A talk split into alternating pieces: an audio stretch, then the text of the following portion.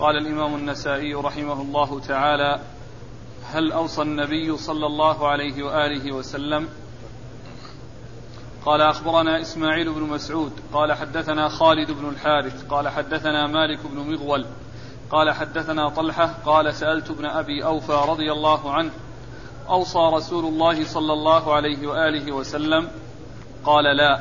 قلت كيف كتب على المسلمين الوصية؟ قال أوصى بكتاب الله. بسم الله الرحمن الرحيم. الحمد لله رب العالمين وصلى الله وسلم وبارك على عبده ورسوله نبينا محمد وعلى آله وأصحابه أجمعين. أما بعد يقول النسائي رحمه الله هل أوصى رسول الله صلى الله عليه وسلم هذا الاستفهام في هذه الترجمة؟ يحتمل أن يكون المراد به الوصية بالمال والوصية بالخلافة والوصية التي هي الحث على كتاب الله عز وجل وما جاء به رسوله الكريم صلوات الله وسلامه وبركاته عليه.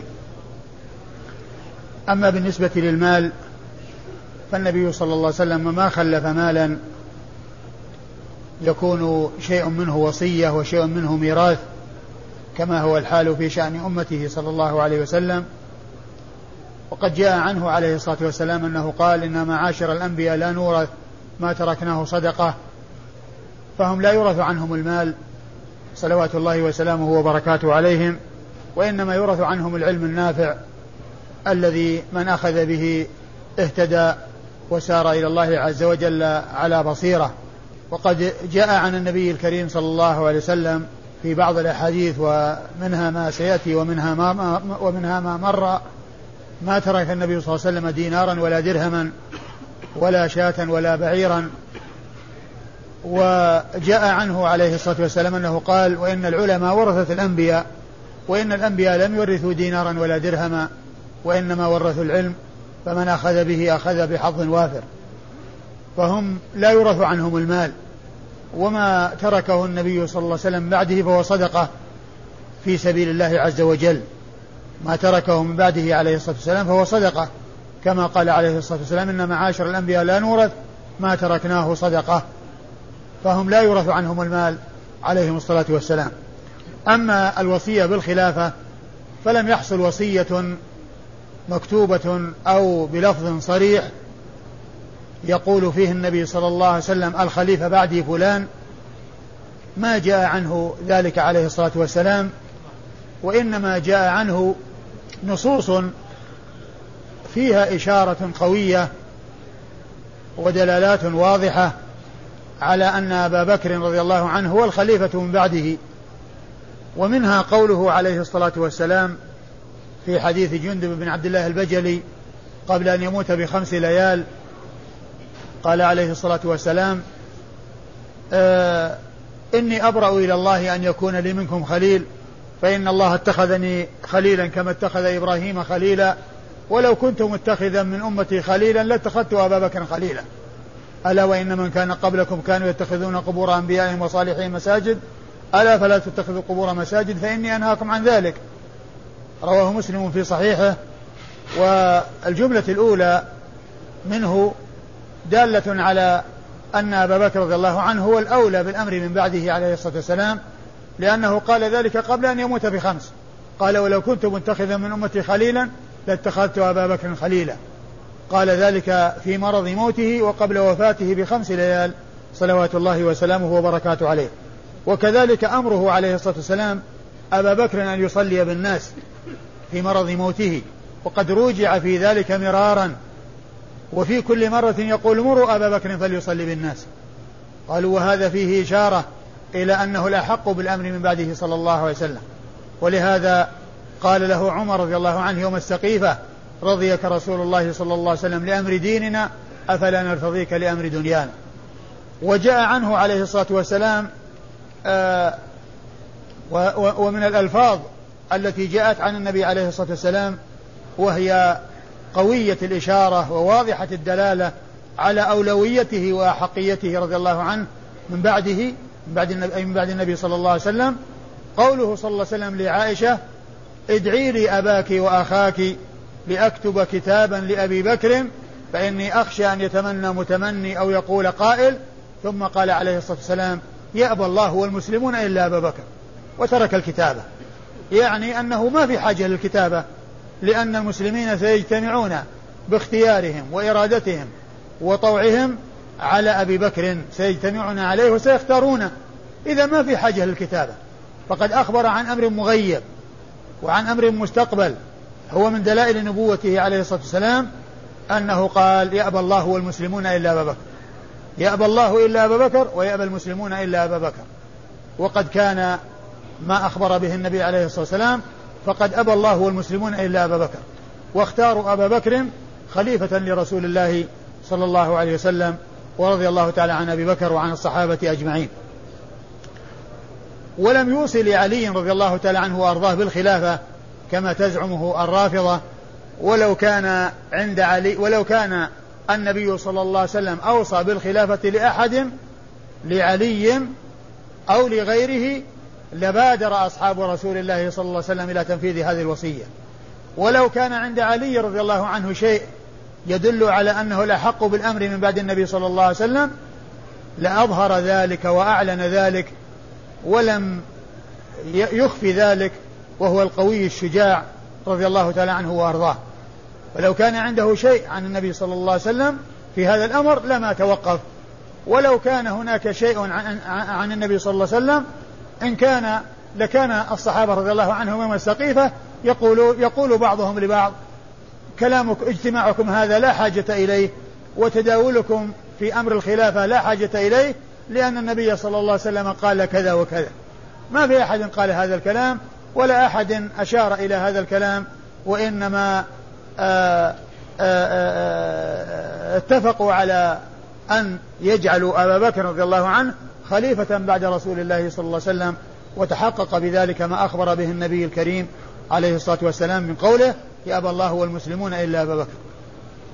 وعلى هذا فالنبي صلى الله عليه وسلم لم يوصي لعلي بالخلافة وما أوصى لأبي بكر بالخلافة بالنص بأن يقول أبو بكر هو الخليفة من بعدي ولكنه قال مقالة واضحة الدلالة على ذلك حيث قال يأبى الله والمسلمون إلا بكر. يعني أن المسلمين سيتفقون عليه باختيارهم وإرادتهم ورغبتهم في توليته رضي الله تعالى عنه وأرضاه.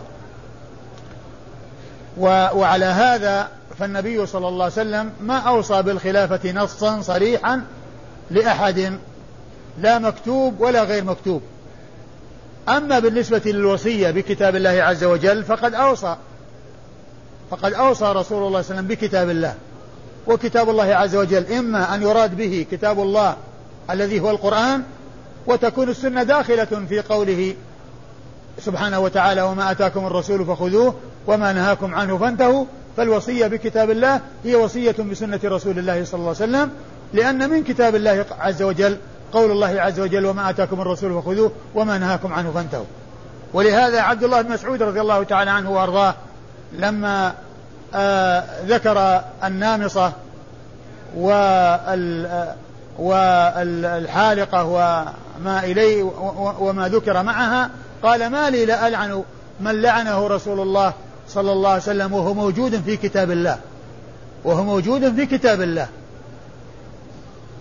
وهناك امرأة من الصحابيات رضي الله تعالى عنها جاءت إلى عبد الله بن مسعود رضي الله عنه وقالت يا أبا عبد الرحمن إنك قلت هذه الكلمة وإنني قرأت المصحف من أوله إلى آخره فما وجدت فيه الوصية بالنامصة والمتنمصة. فقال إن كنت قرأتيه فقد وجدتيه وما آتاكم الرسول فخذوه وما نهاكم عنه فانتهوا. وما آتاكم الرسول فخذوه وما نهاكم عنه فانتهوا. إذا كل المناهي التي جاءت عن رسول الله صلى الله عليه وسلم داخلة تحت قوله وما, وما نهاكم عنه فانتهوا. فوصيته بكتاب الله إما أن يكون مقصود بها الكتاب القرآن وتكون السنة داخلة فيه كما في هذه الآية الكريمة وكما جاء توضيح ذلك وبيانه عن عبد الله بن مسعود رضي الله تعالى عنه وارضاه.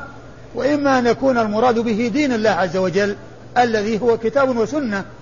الذي هو الكتاب والسنة. كتاب الله عز وجل وسنة رسوله صلى الله عليه وسلم.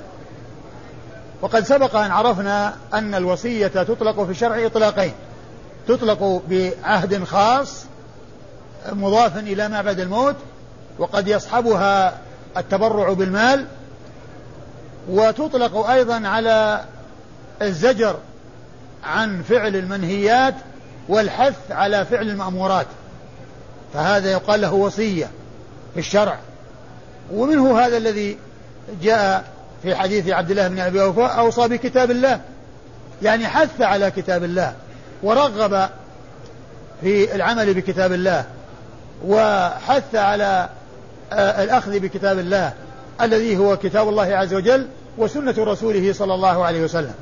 وعلى هذا فالنبي صلى الله عليه وسلم ما أوصى لأحد بالخلافة نصا صريحا وجاء عنه دلالات واضحة وإشارات قوية على أولوية أبي بكر رضي الله عنه بالخلافة وكذلك أيضا جاء عنه ما يدل على أن ما يخلفه الرسول صلى الله عليه وسلم هو صدقة حيث قال إن معاشر الأنبياء لا نورث ما تركناه صدقة.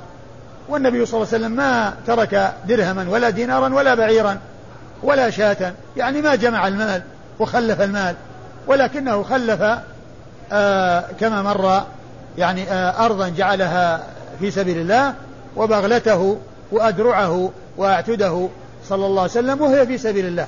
وداخلة تحت قوله إن معاشر الأنبياء لا نورث ما تركناه صدقة. فرسول الله صلى الله عليه وسلم ليس كغيره من أمته الذين إذا ماتوا ورثهم أقرباؤهم على وفق ما جاء في كتاب الله عز وجل وسنة نبيه صلى الله عليه وسلم لأنهم ما جاءوا بجمع المال وإنما جاءوا بالحق والهدى الذي هو مبذول لكل من وفقه الله عز وجل. وهو أمام كل من يريد أن يأخذ من هذا الميراث ميراث النبوة. وهو العلم النافع. إن وإن الأنبياء لم يورثوا دينارا ولا درهما وإنما ورثوا العلم. فمن أخذ به أخذ به حظ وافر. هكذا قال رسول الله صلوات الله وسلامه وبركاته عليه. وقد أورد النسائي حديث عبد الله بن أبي أوفى رضي الله تعالى عنه أن طلحة بن مصرف قال له هل أوصى رسول الله صلى الله عليه وسلم؟ قال لا.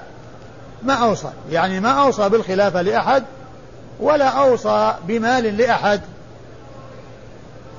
وقال له كيف كتب الوصية؟ قال أوصى بكتاب الله. أوصى بكتاب الله. هذا هو الذي أوصى به رسول الله عليه الصلاة والسلام. وجاء عنه في مرض موته وصايا خاصة منها ما جاء عن علي رضي الله تعالى عنه وأرضاه أنه قال آه من آخر ما قاله أو أن أن أن النبي صلى الله عليه وسلم قال الصلاة الصلاة وما ملكت أيمانكم. الصلاة الصلاة يعني حث على الصلاة. وكذلك ملك اليمين الإحسان إليه. قال علي رضي الله عنه وهؤلاء الكلمات هن آخر شيء سمعته من رسول الله صلى الله عليه وسلم. معنى هذا أن عليا ما سمع صوت رسول الله عليه الصلاة والسلام بعد أن سمعه يقول الصلاة الصلاة. وما ملكت أيمانكم. فأوصى بوصايا خاصة مثل هذه الوصية التي جاءت عن علي رضي الله تعالى عنه وأرضاه وأوصى بوصية عامة وهي كتاب الله عز وجل الذي هو الكتاب والسنة. نعم. قال أخبرنا إسماعيل بن مسعود. أخبرنا إسماعيل بن مسعود أبو مسعود البصري ثقة أخرج حديثه النسائي وحده. عن خالد بن الحارث. عن خالد بن الحارث البصري وهو ثقة أخرج له أصحاب الكتب الستة. عن مالك بن مغول. عن مالك بن بن مغول وهو ثقة أخرج له أصحاب الكتب الستة. عن طلحة. عن طلحة بن مصرف وهو ثقة أخرج له أصحاب الكتب الستة. عن عبد الله بن أبي أوفى رضي الله تعالى عنه وهو وقد أخرج حديثه أصحاب الكتب الستة. قال أخبرنا محمد بن رافع. قال حدثنا يحيى بن آدم. قال حدثنا مفضل عن الأعمش. نعم.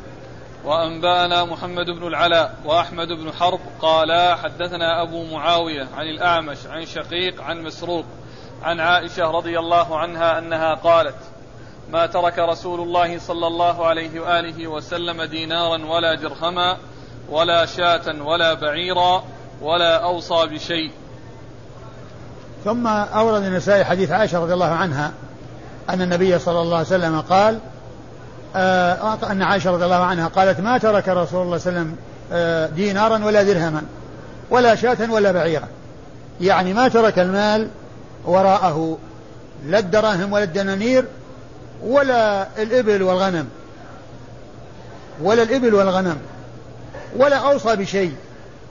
يعني ما أوصى لأحد بشيء بعده بأن فلان يعطى كذا وفلان يعطى كذا وإنما أوصى وصايا عامة. وهي قوله صلى الله عليه وسلم ما تركناه صدقة. ما تركناه صدقة. وكذلك وأرضا تركها صدقة. هذا يدلنا على أن النبي صلى الله عليه وسلم ما أوصى بوصية مالية ولا أوصى بالخلافة أيضا لكن قوله ولا أوصى بشيء مع ذكر الدراهم والدنانير والإبل والغنم يعني يشعر بأن المقصود أنه ما أوصى بمال لأحد صلوات الله وسلامه وبركاته عليه ولكنه أوصى بكتاب الله الذي هو الميراث ميراث النبي صلى الله عليه وسلم الذي هو مبذول لكل أحد لكل من وفقه الله عز وجل أمامه هذا الميراث. نعم. قال أخبرنا محمد بن رافع. أخبرنا محمد بن رافع وهو النيسابوري القشيري ثقة أخرج حديثه أصحاب الكتب الستة إلا ابن ماجه. عن يحيى بن آدم. عن يحيى بن آدم وهو ثقة أخرج له أصحاب الكتب الستة. عن مفضل. عن مفضل بن مهلهل وهو ثقة أخرج حديثه مسلم. والنسائي وابن ماجه. مسلم والنسائي وابن ماجه؟ نعم. مسلم والنسائي وابن ماجه. عن الأعمش. عن الأعمش وهو سليمان بن مهران الكاهلي الكوفي وهو ثقة أخرج له أصحاب الكتب الستة. قال وأنبأنا محمد بن العلاء. ثم قال النسائي وأنبأنا محمد بن العلاء. يعني هذا إسناد جديد. يبدأ من النسائي. بعد أن وصل الإسناد إلى الأعمش أتى بإسناد آخر. فقال أنبأنا محمد بن بن العلاء وهو أبو كريب. محمد بن العلاء أبو كريب. مشهور بكنيته أبو كريب. وهو ثقة أخرج له أصحاب الكتب الستة. وأحمد بن حرب. وأحمد بن حرب الموصلي. وهو صدوق أخرج حديثه النسائي وحده. عن أبي معاوية. عن أبي معاوية هو محمد بن خازم. محمد بن خازم الضرير الكوفي ثقة أخرج له أصحاب الكتب الستة. عن الأعمش عن شقيق. عن الأعمش عن شقيق. والأعمش هذا هو ملتقى آه، هو آخر الإسناد هذا الإسناد وهو آخر الإسناد الأول. والالتقى عند شقيق. وشقيق هو ابن سلمة الكوفي كنيته أبو وائل مشهور بكنيته ومشهور باسمه. يأتي كثيرا بكنيته أبو وائل ويأتي باسمه كما هنا شقيق وهو بن سلمة الكوفي ثقة مخضرم أخرج له أصحاب الكتب الستة. المسروق. عن مسروق بن الأجدع وهو ثقة أخرج له أصحاب الكتب الستة. عن عائشة. عن أم المؤمنين عائشة رضي الله تعالى عنها وأرضاها الصديقة بنت الصديق وهي من أوعية السنة وحافظة الحديث لا سيما ما يتعلق بالأمور التي تقع بين الرجل وأهل بيته وهي واحدة من سبعة أشخاص عرفوا بكثرة الحديث عن النبي صلى الله عليه وسلم وهم أبو هريرة وابن عمر وابن عباس وأبو سعيد الخدري وجابر بن عبد الله الأنصاري وأنس بن مالك وأم المؤمنين عائشة ستة رجال وامرأة واحدة هؤلاء هم الذين عرفوا بكثرة الحديث عن النبي صلى الله عليه وسلم. قال أخبرني محمد بن رافع قال حدثنا مصعب قال حدثنا داود عن الأعمش عن شقيق عن مسروق عن عائشة رضي الله عنها أنها قالت ما ترك رسول الله صلى الله عليه وآله وسلم درهما ولا دينارا ولا شاة ولا بعيرا وما أوصى. ثم أورد النسائي حديث عائشة من طريق أخرى وهو مثل ما تقدم. قال أخبرني محمد بن رافع عن مصعب. محمد بن رافع مر ذكره مصعب بن المقدام وهو صدوق. صدوق له أوهام. صدوق له أوهام أخرج حديثه. مسلم والترمذي والنسائي وابن ماجه. أخرج حديثه مسلم والترمذي والنسائي وابن ماجه. عن داود. عن داود بن نصير الطائي وهو ثقة أخرج حديثه البخاري. و وجله النسائي. النسائي وحده؟ نعم. أخرج حديثه النسائي وحده. عن الأعمش عن شقيق عن مسروق عن عائشة. وقد مر ذكر هؤلاء الأربعة. قال أخبرنا جعفر بن محمد بن الهذيل وأحمد بن يوسف. قال حدثنا عاصم بن يوسف. قال حدثنا حسن بن عياش عن الأعمش عن إبراهيم عن الأسود عن عائشة رضي الله عنها أنها قالت ما ترك رسول الله صلى الله عليه وآله وسلم درهما ولا دينارا ولا شاة ولا بعيرا ولا أوصى لم يذكر جعفر دينارا ولا درهما. ثم ورد النسائي حديث عائشة رضي الله عنها من طريق أخرى وهو من شيخين من شيوخه آه وهو مثل ما تقدم إلا أن أحد الشيخين ما ذكر الدينار والدرهم وإنما قال ما ترك النبي صلى الله عليه وسلم شاة ولا بعيرا ولا أوصى. ما ترك شاة ولا بعيرا ولا أوصى. وما ذكر دينارا ولا درهما وإنما الذي ذكر الدينار والدرهم هو الشيخ الثاني وهو أحمد؟ أحمد بن يوسف. أحمد بن يوسف. هذا هو الذي ذكره بكامله. والنسائي أورده على لفظ الشيخ الثاني وأشار إلى أن الشيخ الأول الذي هو جعفر آه ليس عنده دينارا ولا درهما. والإسناد؟ قال أخبرنا جعفر بن محمد بن الهذيل. أخبرنا جعفر بن محمد بن الهذيل وهو صدوق. ثقة. وهو ثقة أخرج حديث النسائي وحده. وأحمد بن يوسف. وأحمد بن يوسف وهو ثقة أخرج له مسلم وأبو داود والنسائي وابن ماجه. وهو ثقة أخرج حديثه مسلم وأبو داود والنسائي وابن ماجه. عن عاصم بن يوسف. عن عاصم بن يوسف وهو ثقة أخرج له البخاري والترمذي والنسائي. وهو ثقة. عاصم بن يوسف ثقة أخرج حديث البخاري والترمذي والنسائي. عن عن حسن بن عياش. عن حسن بن عياش وهو صدوق أخرج له مسلم والترمذي والنسائي. وهو صدوق أخرج حديثه مسلم والترمذي والنسائي. عن الأعمش عن إبراهيم. عن الأعمش وقد مر ذكره عن إبراهيم بن يزيد بن قيس النخعي الكوفي ثقة فقيه أخرج حديثه أصحاب الكتب الستة. عن الأسود. عن الأسود آه، وهو خاله الأسود بن يزيد بن قيس النخعي الكوفي وهو ثقة أخرج حديثه أصحاب الكتب الستة. عن عائشة. عن عائشة وقد مر ذكرها.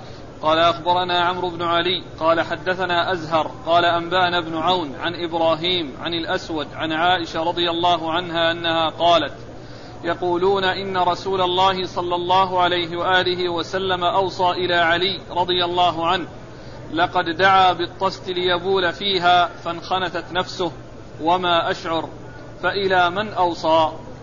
ثم ورد النسائي حديث عائشة رضي الله تعالى عنها وأرضاها. وهو أن أنها قالت يقولون إن النبي صلى الله عليه وسلم أوصى لعلي. ثم قالت و إيش بعدين؟ لقد دعا بالطشت لقطع بالطشت ليبول فيه يعني في مرضه. يعني كان لا يستطيع الحركة والانتقال ليبول فيه ثم انخنث. فانخنثت نفسه وما أشعر. ثم انخنثت نفسه وما أشعر يعني يعني مال وسقط يعني آه، آه، يعني آه، حصل له الموت وما وما تشعر. وما تشعر يعني مثلا بذلك. يعني حتى رأته يعني حتى رأت موته بهذه الطريقة التي هي كونه يعني مال ووقع وانخنثت نفسه. ثم فإلى من أوصى فإلى من أوصى. يعني تقول إنها ملازمة للنبي صلى الله عليه وسلم. في مرضه وكان مات وهو في حجرها كما جاء في بعض الحديث على حاقنته وذاقنته. و وتعرف ما قاله الرسول صلى الله عليه وسلم في أحواله تلك ولم يحصل منه شيء يعني آه، آه، على ما قالوه أو على ما نسب إلى أنه أوصى لعلي رضي الله تعالى عنه وأرضاه. وإنما وصيته كما جاء عنها أنه أراد أن يوصي لأبيها ولكنه ترك لأن المسلمين سيجتمعون على أبي بكر. كما تقدم الحديث في ذلك كما أشرت إلى الحديث في ذلك عن رسول الله عليه الصلاة والسلام. نعم. قال أخبرنا عمرو بن علي. عمرو بن علي الفلاس ثقة أخرج له أصحاب الكتب الستة بل هو شيخ لأصحاب الكتب الستة. عن أزهر. عن أزهر بن, بن سعد السمان. أزهر بن سعد السمان وهو ثقة. نعم. أخرج له؟ أصحاب الكتب إلا ابن ماجه. وهو ثقة أخرج له أصحاب الكتب الستة إلا ابن ماجه. عن ابن عون. عن ابن عون عبد الله بن عون وهو ثقة أخرج له أصحاب الكتب الستة. عن إبراهيم عن الأسود عن عائشة. وقد مر ذكر هؤلاء الثلاثة. قال أخبرني أحمد بن سليمان. قال حدثنا عارم. قال حدثنا حماد بن زيد. عن ابن عون عن إبراهيم عن الأسود عن عائشة رضي الله عنها أنها قالت توفي رسول الله صلى الله عليه وآله وسلم وليس عنده أحد غيري. قالت ودعا بالطست. ثم ورد النسائي حديث عائشة من طريق أخرى وهو مثل ما تقدم. يعني قوله هنا, هنا هناك أنه دعا بالطشت ليبول فيه الطست ليبول فيه وأنها انخنثت نفسه يعني أنه مات وهنا قالت توفي الرسول صلى الله عليه وسلم وما عنده أحد غيري. يعني ما ما قال النبي صلى الله عليه وسلم شيء في أواخر أيامه وفي أواخر لحظاته وهي من أعلم الناس به. بل أعلم الناس به لأنها هي الملازمة له عليه الصلاة والسلام. وقد خرجت روحه صلى الله عليه وسلم وخرجت نفسه وهو مسند آه، آه، ظهره إليها أو رأسه إلى إليها أو على صدرها صلوات الله وسلامه وبركاته عليه ورضي الله تعالى عنها وأرضاها. يعني معنى هذا أنه ما حصل منه وصية لأحد لا بالخلافة ولا بغير الخلافة. نعم. قال أخبرني أحمد بن سليمان. أحمد بن سليمان الرهاوي ثقة أخرج له النسائي وحده. عن عارم. عن عارم وهو محمد بن فضل أبو النعمان ثقة أخرج له أصحاب الكتب الستة وهو مشهور بلقبه عارم. ويأتي ذكره باسمه وبلقبه. وعارم هنا لقب واسمه محمد بن الفضل. محمد بن الفضل وكنيته أبو النعمان. يأتي بكنيته ويأتي باسمه ويأتي بلقبه. عن حماد بن زيد. عن حماد بن زيد بن درهم وهو ثقة أخرج له أصحاب الكتب الستة. عن ابن عون عن إبراهيم عن الأسود عن عائشة. وقد مر ذكر هؤلاء الأربعة. قال باب الوصية بالثلث. قال أخبرني عمرو بن عمرو بن عثمان بن سعيد قال حدثنا سفيان عن الزهري عن عامر بن سعد عن أبيه رضي الله عنه أنه قال مرضت مرضا أشفيت منه فأتاني رسول الله صلى الله عليه وآله وسلم يعودني فقلت يا رسول الله إن لي مالا كثيرا وليس يرثني إلا ابنتي أفأتصدق بثلثي مالي؟ قال لا. قلت فالشطر؟ قال لا. قلت فالثلث قال الثلث والثلث كثير. إنك أن تترك ورثتك أغنياء خير لهم من أن تتركهم عالة يتكففون الناس. ثم ورد النسائي هذا الترجمة وهي وصية بالثلث يعني أن من أراد أن يوصي يعني بشيء من ماله فليوصي في حدود الثلث. الثلث فأقل والباقي يكون للورثة. والباقي بعد الثلث أو بعد الذي يوصى به دون الثلث. يكون للورثة. وإذا أوصي بشيء أزيد من الثلث فهذا يتوقف على إجازة الورثة. إن أجاز الورثة الوصية فهم فلهم فتنفذ لأن الحق لهم فإذا أجازوا فالحق لا يعدوهم. وإذا لم يجيزوا فلا تكون الوصية إلا بالثلث وما دونه. إلا بالثلث وما دونه. وما زاد على الثلث فيحتاج إلى إجازة الورثة. إن أجازوه وإلا فلا تثبت الوصية ولا تنفذ الوصية فيما زاد عن الثلث. و أورد النسائي حديث سعد بن أبي وقاص رضي الله عنه أنه مرض بمكة وجاءه النبي صلى الله عليه وسلم يعوده. جاءه النبي عليه الصلاة والسلام يعوده. وفي هذا دليل على ما كان عليه الرسول عليه الصلاة والسلام من عيادته لأصحابه عليه الصلاة والسلام فكان يعودهم وكان يأتي إلى المريض ويدعو له ويؤنسه. وهذا من أخلاقه الكريمة وأخلاقه العظيمة عليه الصلاة والسلام. هو عالي المنزلة ورفيع المنزلة ويأتي إلى أصحابه يزورهم في في في مرضهم ويدعو لهم عليه الصلاة والسلام. فجاء فقال له سعد إن لي مال كثير عنده مال كثير. قال ولا يرثون إلا ابنه. والمقصود من ذلك يعني لا يرثه من أصحاب الفروض ولا يعني أنه ليس له أحد يرثه من العصبات لأن له أقارب له أقارب. ولكن المقصود من قول لا يرثني يعني من أصحاب الفروض أو من الذين يخشى عليهم يعني الضياع يعني مثل النساء. يعني يعني من, من, من نسله ومن صلبه يعني لا يرثه إلا ابنه. ف وقد عاش وولد له ولكن كان علي كان رضي الله عنه له أقارب. له أقارب من عشيرته ومن قبيلته يعني يرثونه بالتعصيب. لكن المقصود بقوله في ذلك الوقت يعني آه أن الذي يرثه ممن يعني آه يخشى عليه أو من أصحاب الفروض هذا هو الذي يريده. وليس المقصود أنه لا وارث له أصلا يعني إلا هذه البنت يعني بل المقصود هو الوارث من أصحاب الفروض أو مما يخشى عليه. أما العصبات والأقارب الذين يأخذون ما أبقت الفروض فهم موجودون موجودون. لسعد رضي الله تعالى عنه وأرضاه.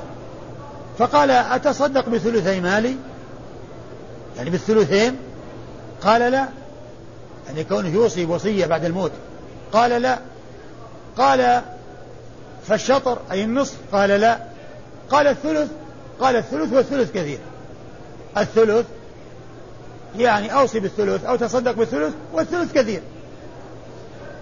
وقد جاء عن ابن عباس سيأتي كما سيأتي لو أن الناس غضوا من الثلث إلى الربع لأن النبي صلى الله عليه وسلم قال الثلث والثلث كثير. لو أن الناس غضوا من الثلث إلى الربع لأن النبي عليه الصلاة والسلام قال الثلث والثلث كثير. أخذه من قوله والثلث كثير. يعني كونه ينقص عنه. لكن هذا هو الحد الأعلى الذي ليس له أن يوصي إلا به. وما زاد عن ذلك كما قلت يحتاج إلى إجازة الورثة. إن أجازوه وإلا فهو حقهم يكون لهم.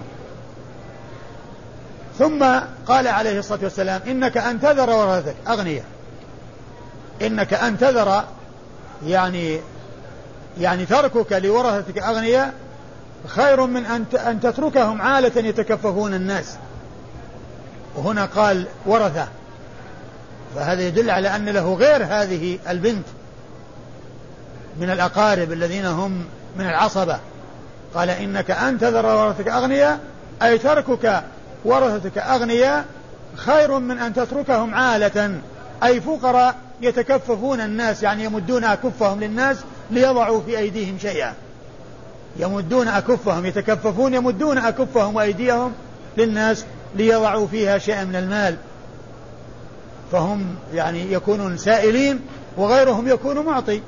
والنبي صلى الله عليه وسلم قال اليد العليا خير من اليد السفلى. واليد العليا هي المعطية واليد السفلى هي الآخذة أو السائلة. فالترجمة هي الوصية بالثلث. وهذا هو الذي دل عليه حديث سعد بن أبي وقاص رضي الله عنه. وأنها هي الحد الأعلى. وإذا نقص عن الثلث فلا بأس بل إن ابن عباس قال لو أن الناس غضوا من الثلث إلى الربع. لأن النبي صلى الله عليه وسلم قال الثلث والثلث كثير. نعم.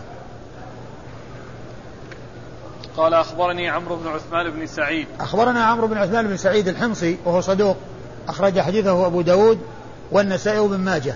عن سفيان. عن سفيان وهو بن عيينة. سفيان بن عيينة ثقة أخرج له أصحاب كتب الستة. عن الزهري. عن الزهري وهو محمد بن مسلم بن عبيد الله بن شهاب الزهري ثقة فقيه أخرج له أصحاب كتب الستة. عن عامر بن سعد. عن عامر بن سعد بن أبي وقاص.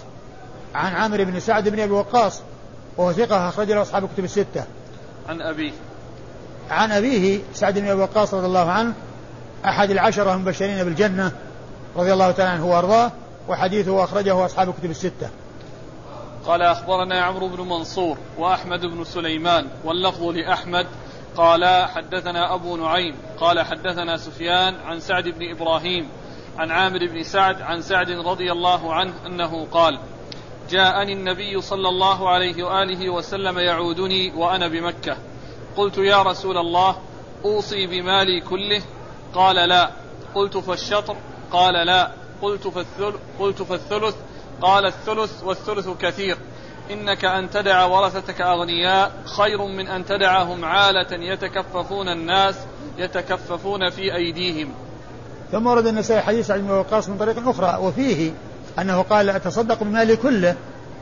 فمعنى هذا أنه قال أولا المال كله ثم نزل الثلثين ثم نزل النصف ثم نزل إلى الثلث. والنبي صلى الله عليه وسلم عندما وصل الثلث قال الثلث والثلث كثير. الثلث والثلث كثير. وهو مثل الذي قبله إلا أن فيه ذكر التصدق بالمال كله والذي قبله فيه الثلثين والجمع بينها أن يكون قال هذا وهذا. قال هذا وهذا وحصل اختصار في بعض الروايات. فيكون قال الأول المال كله ثم قال الثلثين ثم قال النصف ثم قال الثلث. وعند ذلك وقف وقال له النبي الثلث الثلث كثير. نعم. قال أخبرنا عمرو بن منصور. أخبرنا عمرو بن منصور النسائي ثقة أخرج حديث النسائي وحده. وأحمد بن سليمان. وأحمد بن سليمان رهاوي مر ذكره. عن أبي نعيم. عن أبي نعيم الفضل بن دكين الكوفي وهو ثقة أخرج له أصحاب الكتب الستة وقد جاء عنه وقد قيل عنه أنه كان يتشيع وقد آه، جاء عنه كلمة عظيمة أنه قال ما, ما كتبت علي الحفظة أنني سببت معاوية. ما كتبت علي الحفظة أنني سببت معاوية. وهذا يدل على سلامته من هذه البدعة. لأن معاوية رضي الله عنه سبه سبه عندهم عند الشيعة قدر مشترك حتى الزيدية الذين هم أهون الشيعة وأخفهم لا يتورعون عن شتم معاوية وسب معاوية. لا يتورعون عنه بل يسبونه ويشتمونه فهو قدر مشترك بينهم. ومع ذلك يقول أو يذكر عنه أو ينقل عنه أنه قال ما كتبت علي الحفظة أنني سببت معاوية عن سفيان عن سفيان آه، عن سفيان الثوري سفيان بن سعيد بن مسروق الثوري ثقة فقيه وصف بأنه أمير المؤمنين في الحديث وحديثه أخرجه أصحاب الكتب الستة.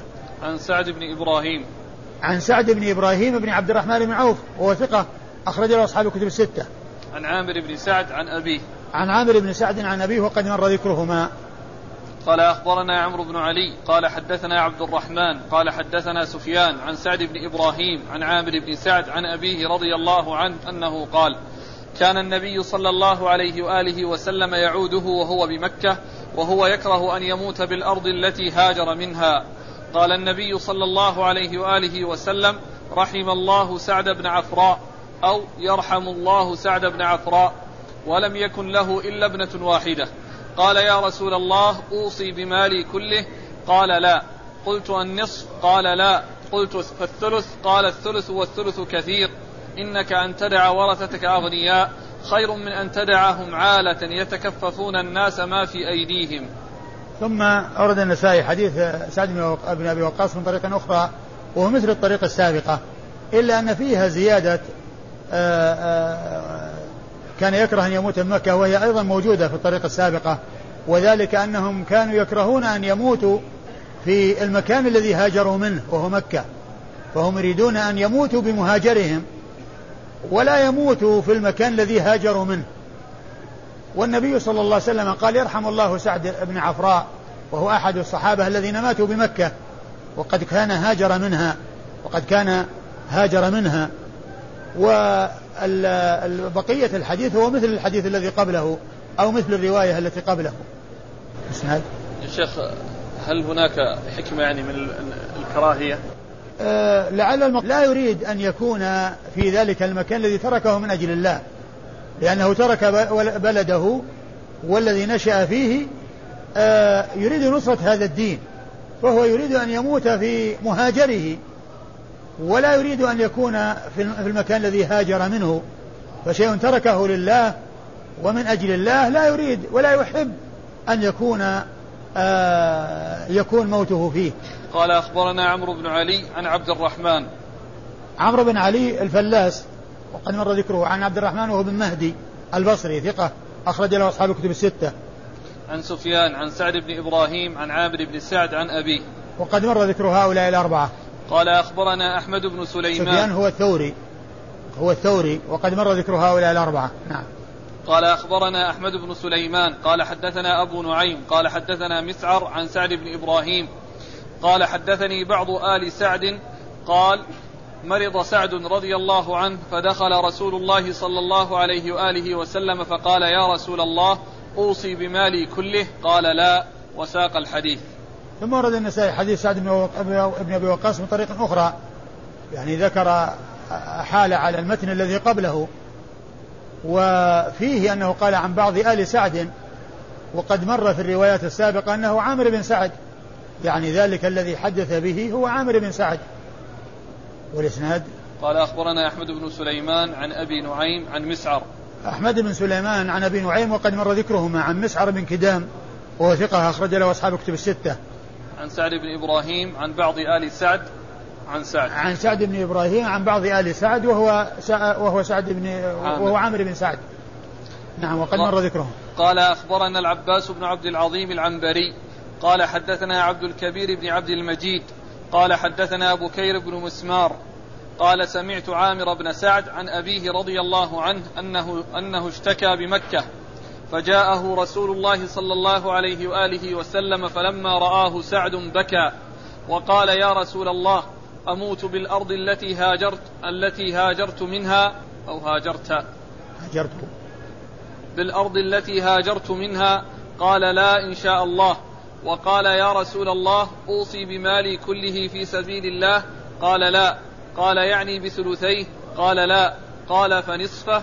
قال لا. قال فثلثه؟ قال رسول الله صلى الله عليه وآله وسلم الثلث والثلث كثير إنك أن تترك ب... إنك إن تترك بنيك أغنياء خير من أن تتركهم عالة يتكففون الناس. ثم ورد النسائي حديث سعد بن أبي وقاص من طريق أخرى وهو مثل ما تقدم. مش في أوله؟ إنه اشتكى بمكة فجاءه النبي صلى الله عليه وسلم فلما رآه سعد بكى. نعم. فقال يا رسول الله أموت بالأرض التي هاجرت منها؟ قال لا إن شاء الله. هذا هو مثل الذي قبله. وقوله لا إن شاء الله يعني معناه أنه يموت في مكان آخر. وقد كان آه، كذلك. فإنه لم يمت مكة وقد عاش وتولى الجيوش التي آه، حصل فيها قتال الفرس والقادسية كانت على يديه رضي الله تعالى عنه وأرضاه. وعمر وعاش وفتح الله على يديه الفتوح ولم يمت في الأرض التي هاجر منها وقد حصل آه وتحقق ما أشار إليه الرسول صلى الله عليه وسلم بقوله لا إن شاء الله. نعم. قال أخبرنا العباس بن عبد العظيم العنبري. العباس بن عبد العظيم العنبري وهو ثقة أخرج حديث البخاري تعليقا ومسلم وأصحاب السنن الأربعة. عن عبد الكبير بن عبد المجيد. عن عبد الكبير بن عبد المجيد وهو أبو بكر الحنفي وهو ثقة أخرج له أصحاب الكتب الستة. عن بكير بن مسمار. عن بكير بن مسمار وهو صدوق أخرج له مسلم والترمذي والنسائي. وهو صدوق أخرج حديثه مسلم والترمذي والنسائي. عن عامر بن سعد عن أبيه. عن عامر بن سعد عن أبيه وقد مر ذكرهما. قال أخبرنا إسحاق بن إبراهيم قال أنبأنا جرير عن عطاء بن السائب عن أبي عبد الرحمن عن سعد بن أبي وقاص رضي الله عنه أنه قال عادني رسول الله صلى الله عليه وآله وسلم في مرضي فقال أوصيت؟ قلت نعم. قال بكم؟ قلت بمالي كله في سبيل الله. قال فما تركت لولدك؟ قلت هم أغنياء. قال أوص بالعشر. فما زال يقول وأقول حتى قال أوص بالثلث والثلث كثير أو كبير. ثم ورد النسائي حديث سعد بن وقاص رضي الله عنه ويختلف عن الأحاديث السابقة عن عن حديثه السابق من طرق متعددة لأن حديثه السابق يعني يفيد بأنه آه، يريد أن يوصي ويستشير الرسول صلى الله عليه وسلم بأن يوصي بالمال كله ثم يعني يتنازل يعني يتنزل حتى وصل إلى الثلث.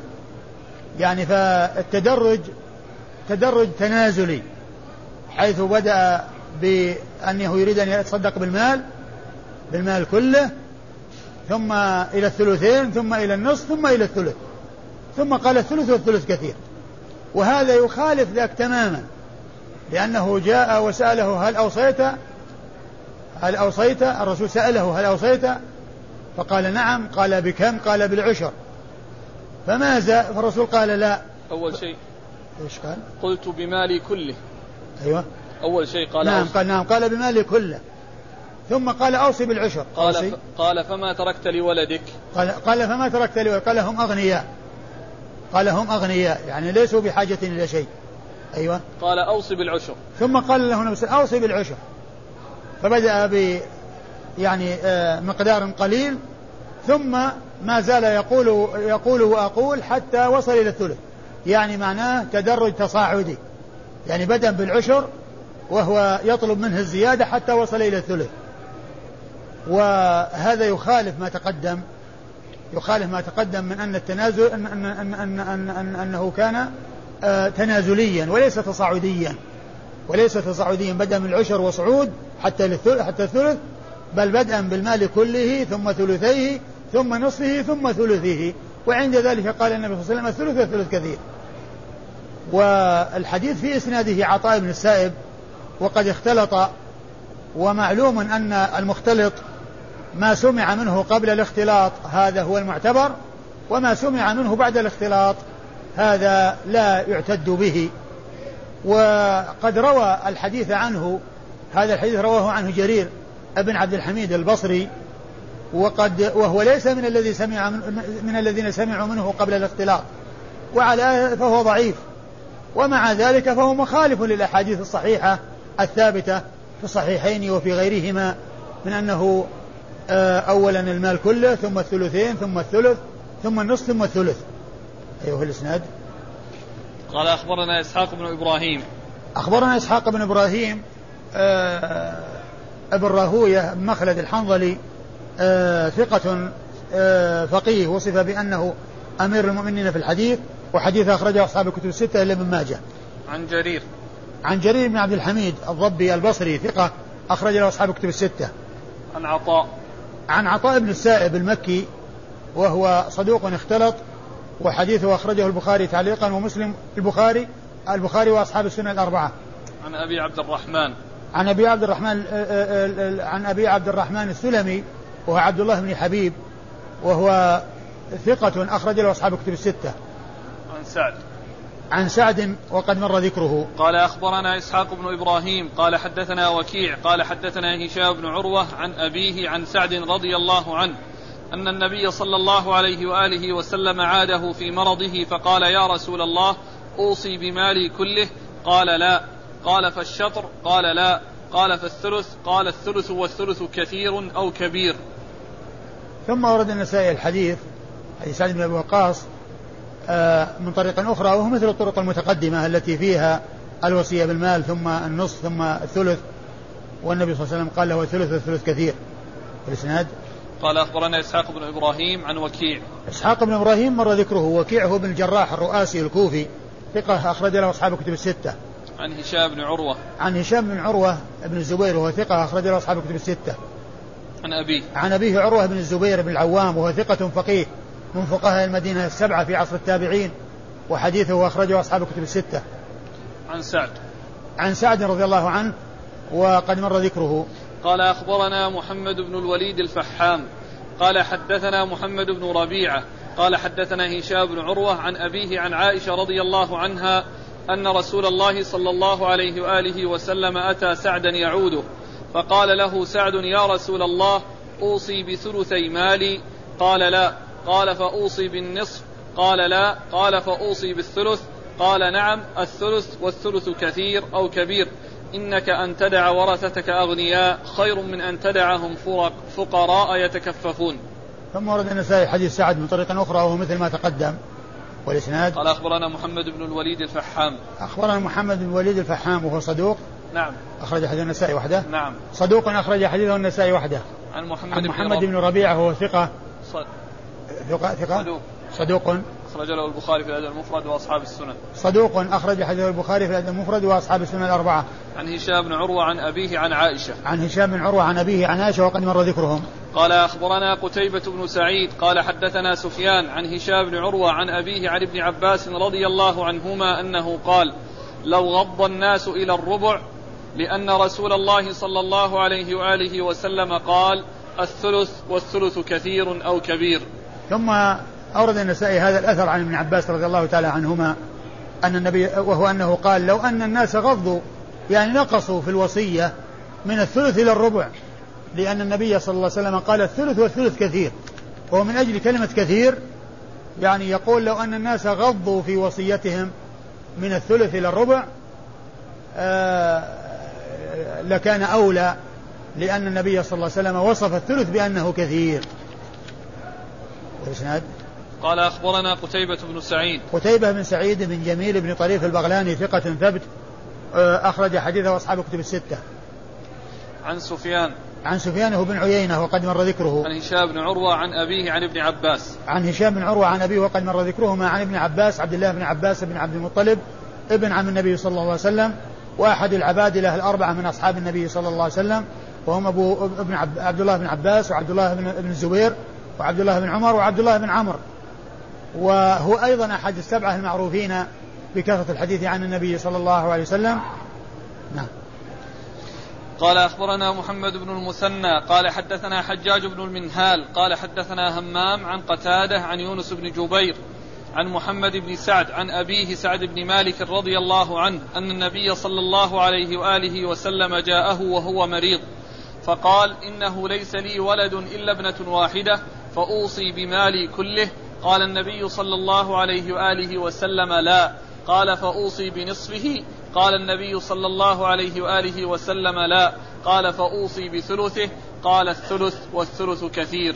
ثم ورد النسائي حديث سعد بن أبي وقاص وهو سعد بن مالك لأن أبوه مالك وهو مشهور ب أبوه بكنيته ولهذا قال سعد بن أبي وقاص وهو سعد بن مالك. يعني ذكر باسم أبيه في هذه الرواية وفي الروايات السابقة ذكر بكنية أبيه المشهور بها هو سعد بن أبي وقاص رضي الله تعالى عنه وأرضاه. وهو مثل ما تقدم. أيها قال أخبرنا محمد بن المثنى. محمد المثنى العنزي أبو موسى الملقب الزمن ثقة أخرج له أصحاب الكتب الستة بل هو شيخ لأصحاب الكتب الستة. عن حجاج بن المنهال. عن حجاج بن المنهال وهو ثقة أخرج له أصحاب الكتب الستة. عن همام. عن همام بن يحيى وهو ثقة أخرج له أصحاب الكتب الستة ثقة ربما وهم ثقة ربما وهم أخرج له أصحاب الكتب الستة. عن قتادة عن يونس بن جبير. عن قتادة بن دعامة السدوسي البصري ثقة أخرج له أصحاب الكتب الستة. عن يونس بن جبير وهو ثقة أخرج له أصحاب الكتب الستة. عن محمد بن سعد. عن محمد بن سعد بن أبي وقاص وهنا يرويه يعني ابنه محمد والروايات التي مرت عن طريق عامر بن سعد وهو ثقة أخرج له أصحاب, أصحاب الكتب الكتب إلا أبا داود أخرج أخرج له أصحاب الكتب الستة إلا أبا داود أخرج له في المراسيل. لم يخرج له في السنن بل أخرج له في المراسيل. عن أبيه سعد. عن أبيه سعد رضي الله عنه وقد مر ذكره. حديث جابر. حديث جابر يتعلق في الترجمة التي بعده. والله تعالى أعلم وصلى الله وسلم وبارك على عبده ورسوله نبينا محمد وعلى آله وأصحابه أجمعين.